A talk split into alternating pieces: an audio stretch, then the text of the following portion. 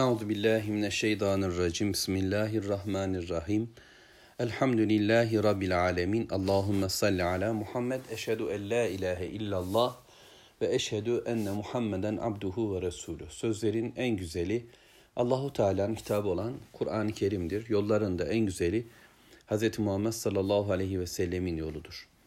Allahu Teala bizlere Lokman suresinde 32. ayette gemi örneğiyle başlattığı mümin kafir özelliklerini anlatımına devam ediyor. Biliyorsunuz 31. ayet-i kerimede Allahu Teala'nın ayetlerinden olan geminin denizde akıp gitmesini bize örnek olarak söylemişti. Güneşli bir gün, deniz güzel, rüzgar mutedil, insanlar geminin içindeler ve dalgaları yara yara güzelce gemi akıp gitmekte. Ve Allahu Teala'nın fazla ikramına gemidekileri taşıyor. Rabbin nimetlerini her yerden görebiliyorlar. Hava ona göre yelkenler eğer yelkenliyse gemi ya da deniz suyun kaldırması, balıklar, güneş, ışıklar ve benim sayıp dökemeyeceğim ki Konya vakıf değilim o mevzuya. Pek çok nimet var ve bu nimetler aslında hayatın kendisini anlatıyor.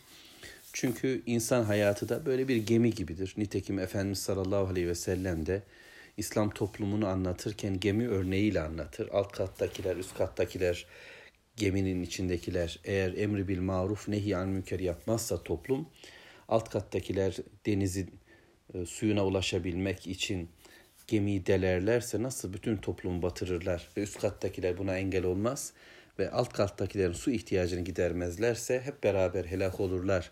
Hadis-i şerifinde örnek olarak verdiği gibi Rabbimiz burada da böyle bir örnek veriyor. Nimetlerle dop dolu ve nimetleri elde etmek için kullandığımız bir hayatı Allahu Teala gemi örneğiyle bize anlatıyor. Ve müminler bu gemi yolculuğunda, bu hayat yolculuğunda bir takım sıkıntılara uğrayacaklar, bir takım darlıklar olacak, bir takım hastalıklar olacak, bir takım kayıplar olacak.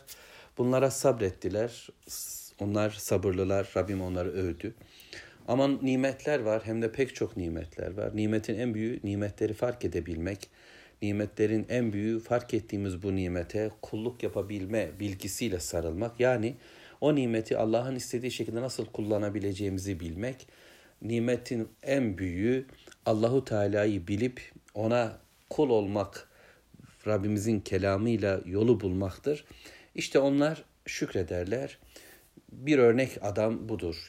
Lokman suresinin başından beri Allahu Teala bize anlattığı hayırlı insan tipi budur. Temelde iki vasıf onlarda belirmiştir. 31. ayet-i kerimenin sonunda sabırlı oluşları ve şükür edişleriydi. Fakat denizin durumu değişti 32. ayette.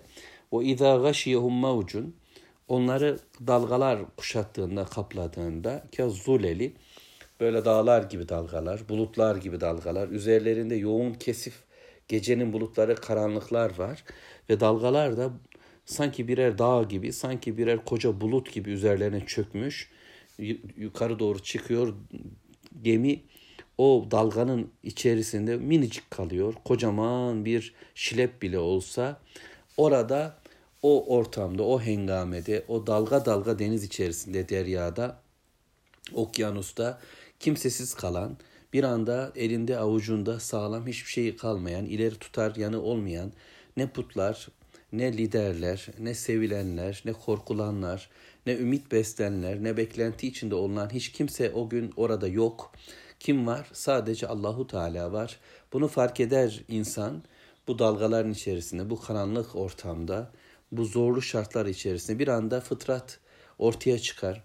Sakladığı, gizlediği, üstünü örttüğü, ben de Tanrıyım, ben de yaparım, ben de ederim, hayatın sahibi benim diyen o yapı gider ve yüreğin içindeki temiz fıtrat ortaya çıkar.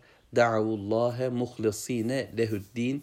Dini sadece Allahu Teala'ya özgüleyerek, sadece Allah için yaşayacaklarının farkında olarak, hayat Allah'ın, gök Allah'ın çünkü yer Allah'ın, deniz Allah'ın, gemi Allah'ın, rüzgar Allah'ın, sular Allah'ın, gece gündüz, güneş ay Allah'ın, zaman mekan insan Allah'ın bunu fark eder. İnsan öyle olunca din de Allah için yaşanacak bunu fark edip sadece ihlas ile e, hulusu bir kalple yapayalnız Allah'a dua etmeye, davet etmeye, çağırıp çığırmaya, ibadet etmeye, yalvarıp yakarmaya, aman Allah'ım demeye başlar.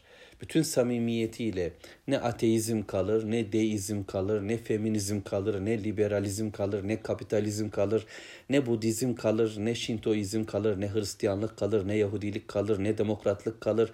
Hiçbir şey kalmaz. Tek bir şey vardır.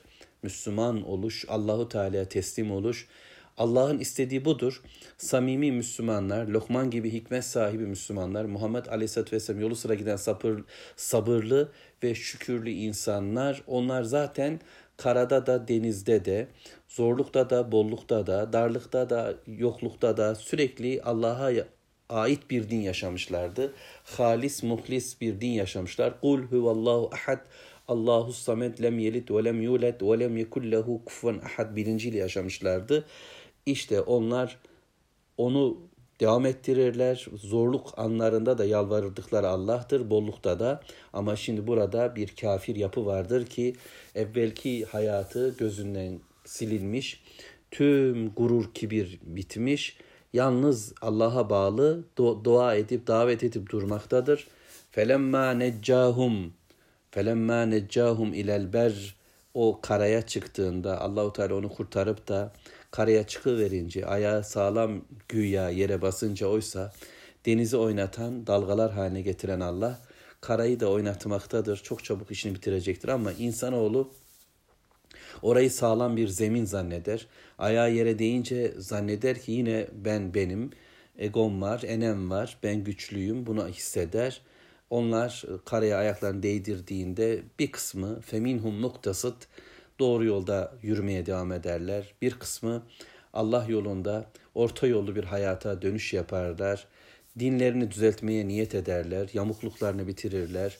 İşte o ölüm, o kaza, o kayıp sonrasında toparlanırlar. Ya Rabbi yazık etmişiz kendimize derler. Vahiy ile doğru yolu bulmayan insanların pek azı bu tür bela musibetlerle yolu bulabiliyor. Çoğu bu musibetlerden sonra daha da azgın bir hayata öyleydi geldi geçti. Her zaman olur böyle şeyler türünden bir dönüşle gavurluğa dönüyorlar, nankörlüğe dönüyorlar. Ama bir kısmı orta yolu tuttu. Fakat bazıları da orta yolu tutar gibi oldu. Biraz akıllanır, aklı başına gelir gibi olsa da iş dünyasında o alışkanlıkları, o yamuklukları, o fikir bozuklukları halen durmaktadır. Halen o ara sıra fırsatını bulduğunda sanki hani İsrailoğulların kalbindeki buza sevgisi vardı ya onun gibi pörtlemeye, hortlamaya, ortaya çıkmaya yer arar, böyle bir imkan bulmak ister. Bir de bazılar bazıları da böyledir ama pek çoğu da şöyledir. وَمَا يَجْحَدُ بِآيَاتِنَا illa kullu hattarin kefur.